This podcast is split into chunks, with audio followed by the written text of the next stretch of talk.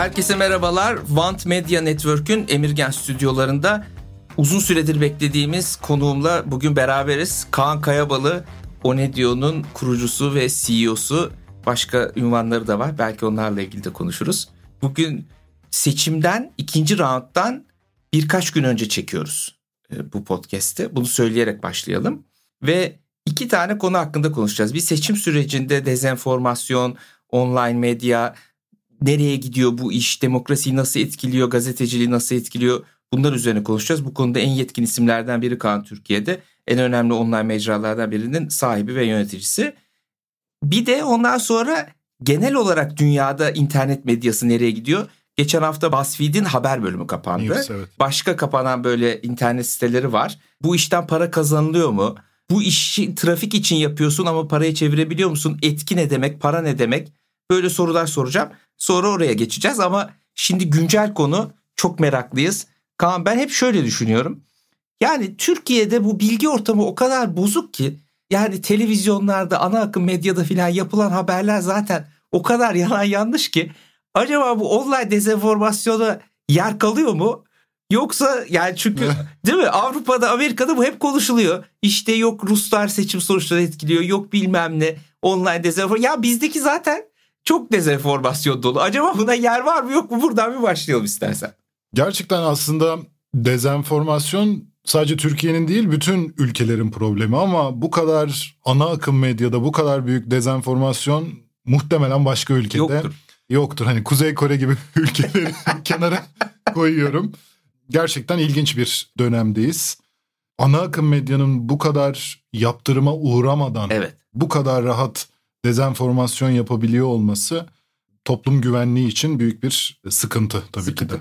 Bir de şöyle bir şey var anladığım kadarıyla. Yani A Haber izleyenler KRT izlemiyor. TRT izleyenler Halk TV izlemiyor. Fox izlemiyor. Anormalde bir bölünme var. Evet. Acaba internet medyası bir birleştirici olabiliyor mu? O ana akım medyadaki anormal bölünme karşısında. Yoksa orada da bölünme var mı?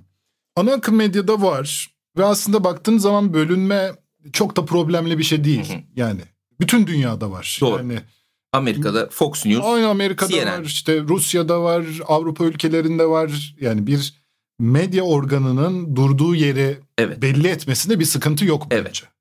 Yani ben A Haber izlerken bilirim ki o iktidar taraf bakış açısıyla olayları Evet. yansıtır. KRT'yi Sözcü TV izlerken bilirim ki o muhalefet bakış açısını yansıtır. Aslında burada biraz da biz e, tüketicilere iş düşüyor. Yani Doğru. bu bilinçle yaklaştığın zaman haberlere, o kuşkuyla, o soru işaretleriyle yaklaştığın zaman sen bir tüketici olarak aslında doğru yolu bulabiliyorsun. Aslında o ne diyor'un ilk çıkışı noktası da buydu. Ha. O ne diyor yani. Bir konu üstünde insanlar ne diyor? İktidar medyası ne diyor? Muhalif medya ne diyor? New York Times ne diyor? Azerbaycanlılar ne diyor? Onu biz verelim ki insanlara insan kendi aklını kullanarak kendi için doğru sonuca ulaşabilsin. O yüzden baktığım zaman hani bir medya grubunun ya da medya yayın organının taraflı olmasında bir sıkıntı görmüyorum. Hı hı. Ama tabii ki her zaman o tırnak içinde yalan haber, yanlış haber yapmamak şartıyla. Evet. Yani şöyle diyebilir miyiz? Taraflı olmakla yalan söylemek arasında fark Aynen var. çok Ha. ciddi fark var. Bir kere zaten yalan haberin yani bu tarz konuşmalarda konu olmaması lazım. Lazım. Yalan haberi birazdan örnekleriyle geleceğiz. Seçim çalışmalarında özellikle yurt dışında nasıl kullanılıyor yalan haberler. Buna geleceğiz ama dediğim gibi hiçbir ülkede bu kadar büyük şeyde ana akımda Uçurum yok. uçurum yok. Dijitalde dijitalde de görüyoruz bunu. Hı hı. Ama dijitalde biraz daha ortada durmak daha kolay olabiliyor. Onun nedeni şey mi? Yani birinde çünkü 1-0 yani kanal açıyorsun kapatıyorsun ama dijitalde yerlerden haberler geliyor gidiyor belki farklı Ya yerlere aslında de. çok ilginç bir şey söyleyeceğim. Hı hı. Aslında bunun alakası biraz da medya ekonomisiyle Hı. alakalı. Bir televizyon açmak, işletmek, Dijitürk'te kanal almak, o stüdyoları kurmak vesaire çok ciddi paralar, paralar. gerektiriyor. Ve baktığımız zaman bu paraları bağımsız olarak yatıracak kişi yok artık. Yok. Evet. O yüzden medya patronları hep başka işleri oluyor. Yani Evet. nasıl parayı başka Tabii. yerden kazanıyor. Eskiden böyle değildi. Değil Evet. mi? Yani çok eskiye gidelim. Sedat Simavi zamanları falan. Sedat Simavi gazetelerden para kazanıyordu. Sonra Sedat Simavi'ye demişler ki abi demişler işte böyle başka işler de var şu işe gir bu işe gir filan. Öyle öyle gazetecilikten kazandığı parayı başka işe yatırmış. Şimdi gazetecilikten zaten para kazanamıyorsun ki başka iş yapıp başka öyle. işten kazanılan para gazete yatırılıyor. O zaman tabii amaç oradan para kazanmak değil başka bir şey.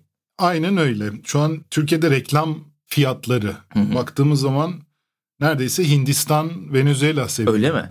Evet. Yani Nijerya Çok bile, önemli bilgi. Bak, Nijerya bile 190 milyon nüfusu var. Medya değeri Türkiye'nin 5-6 katı. Yani bizim iki katımız nüfusu var.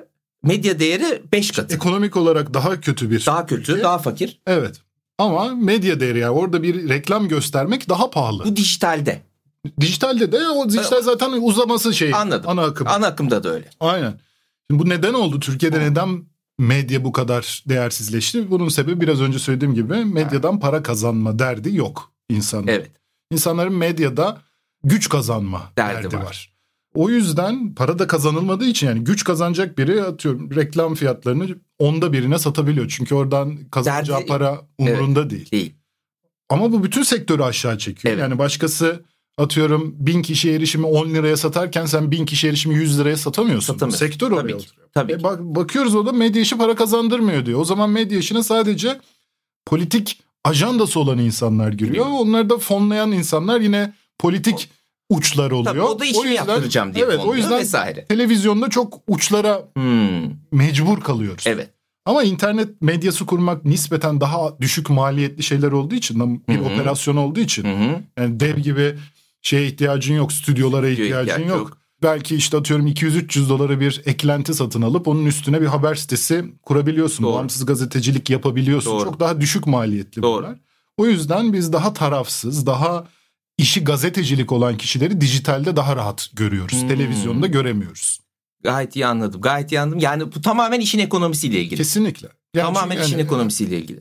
Bir gerçekten o reklam bedeli Türkiye'de bir kişiye ulaşmanın birim maliyeti bellidir her ülkede. Evet Türkiye'de çok bu düşük. Çok düşük. İnanılmaz bir şey. Olması gerektiği yerin onda birinde filan.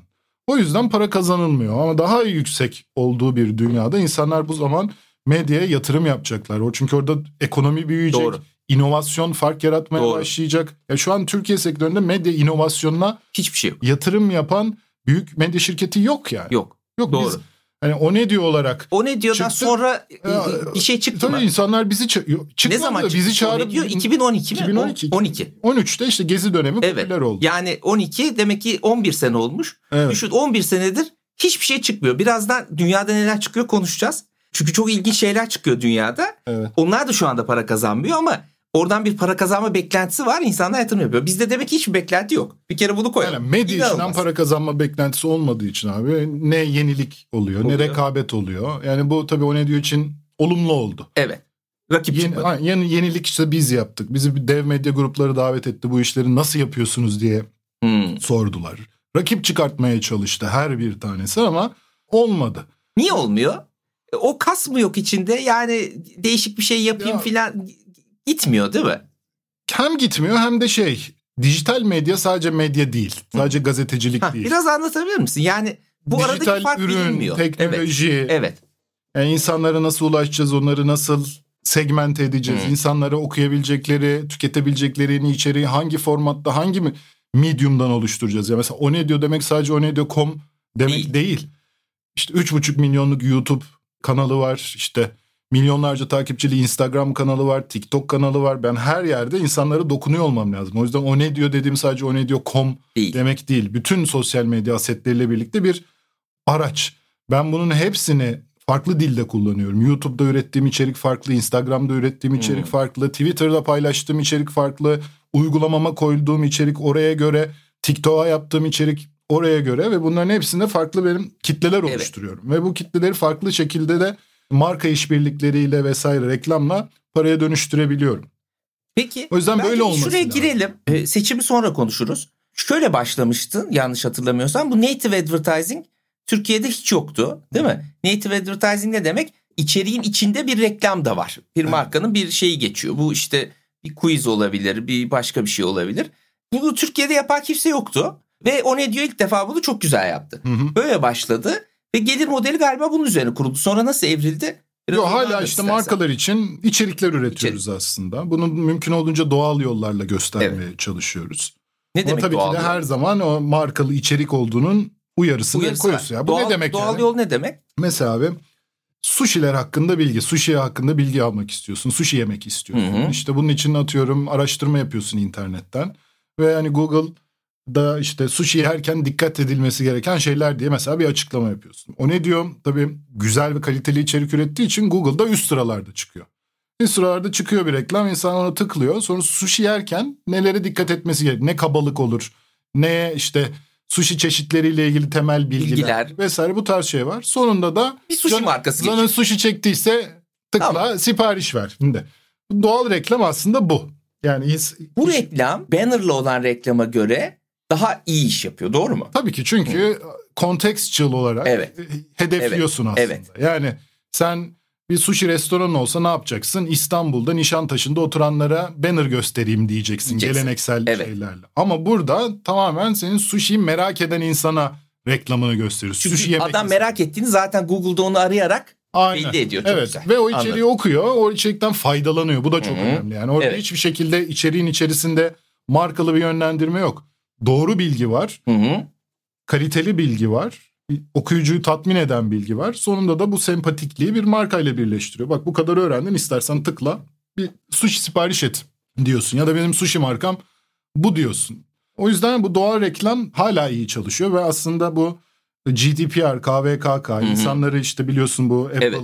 Facebook artık böyle data e, alamıyorsun özel datayı. bilgiler. Aynen. Bunlar şey oldukça ben artık mesela İstanbul'da yaşayan 35 yaş üstü plazada çalışan erkekleri hedeflemem daha zor olacak. Çünkü Facebook o veriyi Apple'dan alamıyor artık. Evet. Yani Apple telefonlarda bazı verileri blokladı. Ancak sen istersen açıyorsun. Kimse de istemiyor. Aynen öyle. Dolayısıyla şimdi, Facebook'un o hedefleme özelliği zayıfladı. Evet. Şimdi bu işte daha da regülasyonlarla daha da Evet artacak. şey olacak. O yüzden bu kontekstsel hedefleme önümüzde çok yeni bir çok alan. Çünkü o zaman sen zaten kullanıcının ilgi kendi alanı. isteğiyle girdiği evet, yerden ilgi alanıyla çok güzel. Ve ilgi alanıyla Anladım. hedefliyor. Anladım. Yani şu içerikleri okuyanları, şununla ilgili olanları ben hedefliyorum. Anladım.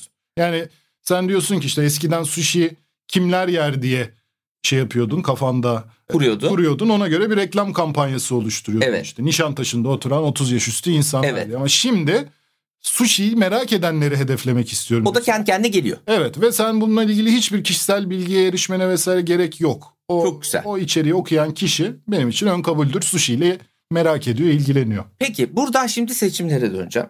Biliyorsun bu seçim süreçlerinde dezenformasyon muhabbetinin ilk ve en büyük çıktığı şey Trump'ın seçildiği 2016 evet. Amerika seçimleri oldu. Orada Ruslar büyük troll fabrikaları kurmuşlar. Evet. Bunu hatta Rusya'da da kurmuş, Makedonya'da kurmuşlar. Hı-hı. Bir sürü yalan haberler yapmışlar ve onu Facebook'un bu hedefleme sistemiyle evet. doğru adrese iletmişler. Doğru. Şimdi 2016'dan 2023'e geldik. Şimdi bu bir işler nasıl evrildi? Tamam, şimdi burada bir araya gireyim. Şimdi bu anlatılan süreçte Cambridge Analytica'nın aslında kriz olmasının en büyük sebebi data topladığı kişilerin arkadaş listesine de Facebook'taki bir bug vasıtasıyla evet. erişebilmesi. Evet. Hatta çok komik yani bu. Yani senden izin alıyor. Aynen. Benim verimi de alıyor. Aynen öyle. Yani işte Ussal Şahbaz benim Facebook'ta arkadaşım bana bir şey gösteriyor. Ben orada bir cevap veriyorum, bir test çözüyorum ya da bir içerik okuyorum. Normalde sadece benim datamı kullanarak beni sonra tekrar hedeflemesi evet. lazım. Ama benim arkadaş listeme de eriştiği için seni de benim gibi assume edip sana da şey yapıyor. Yani evet, datasını hak evet. etmediği şekilde büyütüyor ve çok hızlı büyütüyor. Aynen ve hiç consent vermeyen insanlara evet. da reklama maruz kalmasıyla sonuçlanıyor. Dolayısıyla hatta işte Facebook'ta ya biz yanlışlıkla o veriyi vermişiz silin diyorlar. Cambridge Analytica'da sildik sildik diyorlar. Yola devam ediyor. Ha, devam ediyor. Zaten profil oluşturduktan sonra veriye ihtiyaç yok değil mi? Yani sen bütün karakterleri yaratırsan Kesinlikle. bu iş veriyle Ve bir kere yani, oluyor. Tabii. Ben seni bir, bir kere Facebook'ta dedikten sonra ben işte Kaan Kayabal'ın datasını aldım. Ussal Şahbaz bunun arkadaşı. O yüzden o Kaan'la benzer düşünüyordur. Bitti artık. Bitti. Onu, sen o şeyden çıkamıyorsun. Evet. Evet. Ben onu defalarca seni hedefleyerek, evet. beni hedefleyerek şey yapabiliyorum.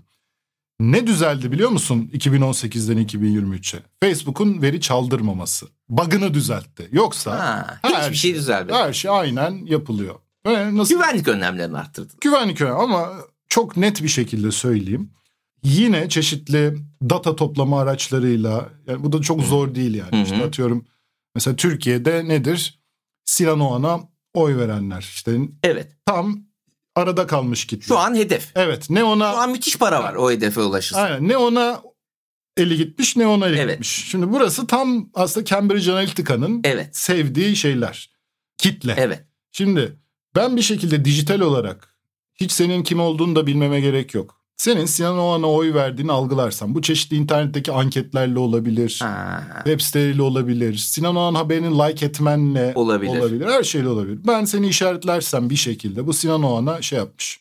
tamam. Bunu koydum Ge- köşeye. Koydum kenara. Sonra diyorum ki Sinan Oğan'a oy verenler Recep Tayyip Erdoğan'a da oy verebilir, Kemal Kılıçdaroğlu'na da oy verebilir. Ben o yüzden Sinan bu kitleyi hedefleyip ona mesela bu Kemal Kılıçdaroğlu'nu destekleyen PKK'lılar videosunu Gösterirsem o Kemal Kılıçdaroğlu'na vermez. Aynen.